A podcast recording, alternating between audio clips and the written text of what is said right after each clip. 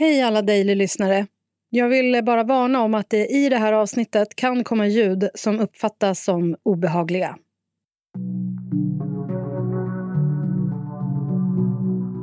Återigen så har en svart man skjutits av polisen i USA. 20-åriga Daunte Wright stoppades av polisen i Minneapolis för att hans registreringsbevis hade gått ut.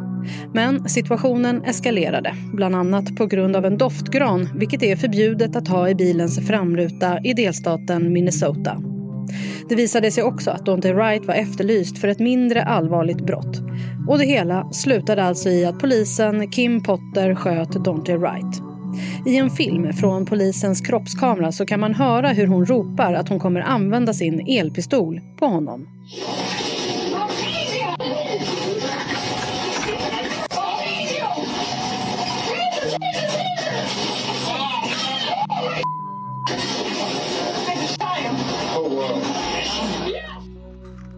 Men istället för att använda elpistolen så sköts han med en riktig pistol och avled senare av sina skador. Polisen Kim Potter togs ur tjänst efter händelsen och greps häromdagen misstänkt för vållande till annans död. Hon släpptes senare mot borgen i väntan på rättegång. Sen skjutningen har det varit kaosartat i Minneapolis. Demonstrationerna har beskrivits som ett slagfält med militär och tårgas.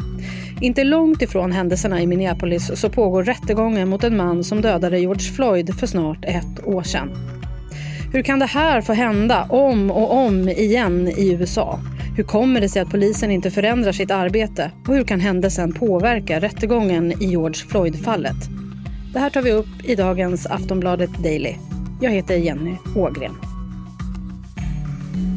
Och vi ska snart prata med vår utrikespolitiske kommentator Wolfgang Hansson. Men först så ska vår korrespondent i USA, Emily Svensson, få rapportera lite om de demonstrationer som har varit efter dödsskjutningen. Inledningsvis under dagen så var det en fredlig protest. Men sen så fort mörkret föll så blev det allt mer laddad och spänd stämning här.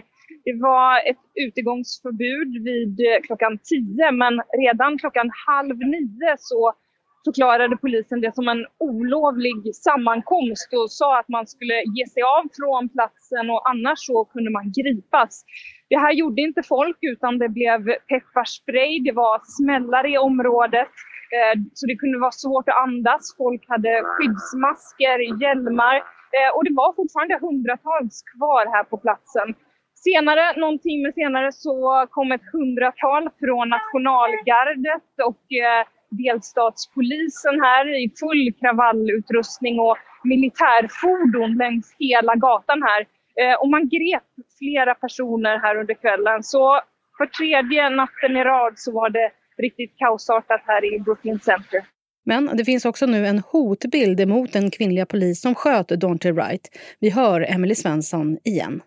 Ja, men det finns en hotbild och även där så har man runt hennes hus rest såna här stålstaket och betongbarriärer. Det finns polisbilar på plats. Man har satt upp skyltar om att man inte får parkera på gatan. Och alla som kör in i området får en varning på mobilen om att man kan vänta protester där de kommande dagarna. Mm. Vi vet ju bland annat Derek Chauvin som nu är i rättegång för George Floyds stöd. Eh, även hans hus blev bland annat vandaliserat och med att skriva mördare på huset och så vidare. Så även mot Kim Potter finns nu en reell eh, hotbild.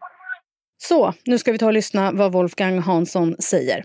Nej, det här är ju ett, ett, mönster som vi ser upprepas hela tiden på olika håll i USA. Att, att eh, vita polismän eh, behandlar svarta på ett annat sätt än, än man behandlar den övriga amerikanska befolkningen och, och att det väldigt ofta slutar med att det som från början är en rutinmässig konfrontation eller en rutinmässigt stopp av en individ slutar med att den här personen eh, mister livet, eh, särskilt om han är, är svart. Eh, Wolfgang, det är också så här att det här inträffar samtidigt som rättegången mot Derek Chauvin, mannen som dödade George Floyd, medan den pågår. Ja, och det är det som gör det så extra känsligt. Eh, eftersom försvaret, alltså den här polismannen vill ju hävda då att det här, eller polis, rättare sagt polisen generellt, myndigheterna vill ju peka ut den här polismannen som ett enstaka rötägg, att det var på grund av att eh, han gjorde fel och misskötte sitt jobb som, som Floyd miste livet.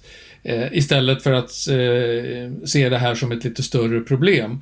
Och det är klart att när det här då händer igen och dessutom i, i samma stad eh, och så nära varandra, eh, att det blir en ny dödsskjutning, då är det klart att eh, då, då förlorar ju det eh, det sättet att försöka förklara det hela i, lite grann i relevans. Och det gör ju då att folk blir extra upprörda. Det har ju varit demonstrationer nu fyra kvällar och nätter i, i sträck i Minnesota. Och det har ju då ofta börjat fredligt på, på kvällen. När man har samlats men eftersom det då råder ett utegångsförbud efter sju på kvällen så har polisen använt tårgas och då har det blivit bråk och sen har det blivit plundring och så vidare. Och det är ju lite grann samma mönster som vi ser eh, från eh, i somras i USA efter det att Floyd hade blivit dödad. Och det verkar ju så här eh, som att eh, utifrån sett så, så, tycker ju många liksom att polisen i USA skulle behöva reformeras eh, och att de borde ha lärt sig någonting av händelserna kring George Floyd. Men hur ser polisen på sig själva? De försöker ju hela tiden hävda att det här handlar om, om enstaka poliser som gör fel snarare än att det skulle vara ett systemfel i, inom polisen som sådan. Och man vänder, vänder sig väldigt mycket mot att eh, de här påståendena om att polisen skulle vara rasistisk och att det skulle vara liksom en, eh, en strukturell rasism inbyggd eh, hos polisen. Eh, och det gör ju att man inte eh, tar itu med de här frågorna på allvar utan man försöker lappa och laga lite grann sådär försiktigt. Och när man då får en, en polisman dömd eller en avstängd eller någon slutar så tycker man att okej, okay, då är problemet löst, nu fortsätter vi som tidigare. Uh, och det är, det, det är ju därför det här upprepas hela tiden och att det, det aldrig tar slut och det är det som gör så många, framförallt svarta men även vanliga amerikaner upprörda och förbannade. Kvinnan som sköt Daunte Wright greps alltså tidigare i veckan och anhölls misstänkt för vållande till annans död. Kvinnan, Kim Potter, har arbetat som polis i över 25 år och släpptes efter att ha betalat borgen. Hon riskerar 10 års fängelse och hundratusentals kronor i böter.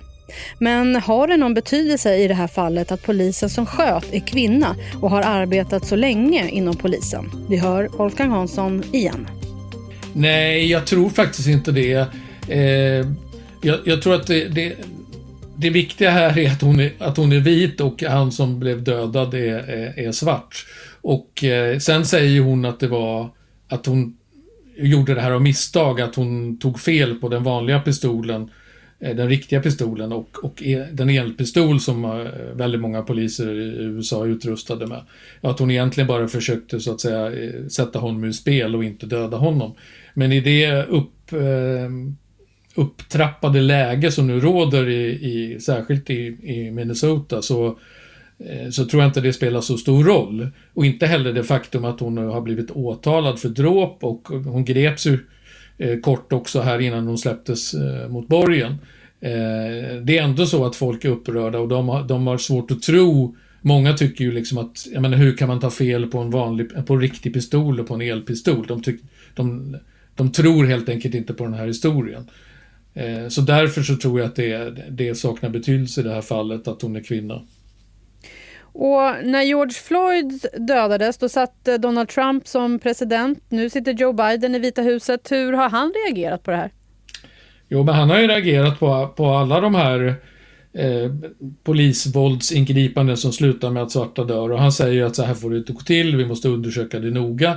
Men samtidigt så är han ju väldigt noga också med att hävda att eh, eh det här det är okej att demonstrera men det här berättigar inte till att man får använda våld mot polisen eller att man får plundra och bränna ner vare sig polisstationer eller butiker eller någonting annat. Så att han försöker ju liksom eh, sätta sig lite ovanpå så att säga men han, eh, han har ju lovat att eh, han ska försöka ta itu med, med, med rasismen inom polisen och försöka reformera den från en nationell nivå. Um, och Eh, vad kan det här nu, de här senaste händelserna få för effekter i eh, George Floyd-rättegången? Ja, det är klart att eh, det blir... Nu, nu är i och för sig... Det känns ju som att bevisningen är, är ganska övertygande mot polismannen. Eh, det var i och för sig... I, nu har polismannens eh, försvar haft in en, eh, en rättsläkare som har hävdat att, då att det var, kan ha varit andra saker som gjorde att George Floyd dog, som droger och hjärtfel och att han låg i närheten av en, ett avgasrör och så vidare. Men annars är ju bevisningen ganska överväldigande för att eh, hans död orsakades av den här polisens eh, nackgrepp på George Floyd. Eh, så det är klart att det, de flesta utgår väl från att det blir någon form av fällande dom, men skulle det inte bli det och skulle det liksom bli ett, Eh, ett ganska lågt straff, då är ju risken väldigt stor för att det blir omfattande kravaller och demonstrationer runt om i hela USA. För det, det här är ju liksom nästan som att eh, sätta en tändsticka till en gaslåga, liksom att det är ett sånt uppdämt eh, missnöje eh, bland många så att eh, allt annat än en fällande dom kommer ju att eh, mottas väldigt eh, aggressivt av, av eh, befolkningen. Och så får man också se då vad som kommer hända med den kvinna som sköt hon till Wright. Ja, hon kommer ju nog ställa sig inför rätta och, och det, det, är ju kanske på sätt och vis ovanligt eftersom polisen då hävdar att det var ett misstag och då brukar det inte alltid leda till en rättslig prövning. Men eh, i det här fallet så, så är det ju uppenbart att polismyndigheterna och, och myndigheterna överhuvudtaget i, i Minneapolis inser ju eh, sprängkraften i det här som har hänt och, och vill visa att de är beredda att agera liksom för att försöka rätta till saker och ting.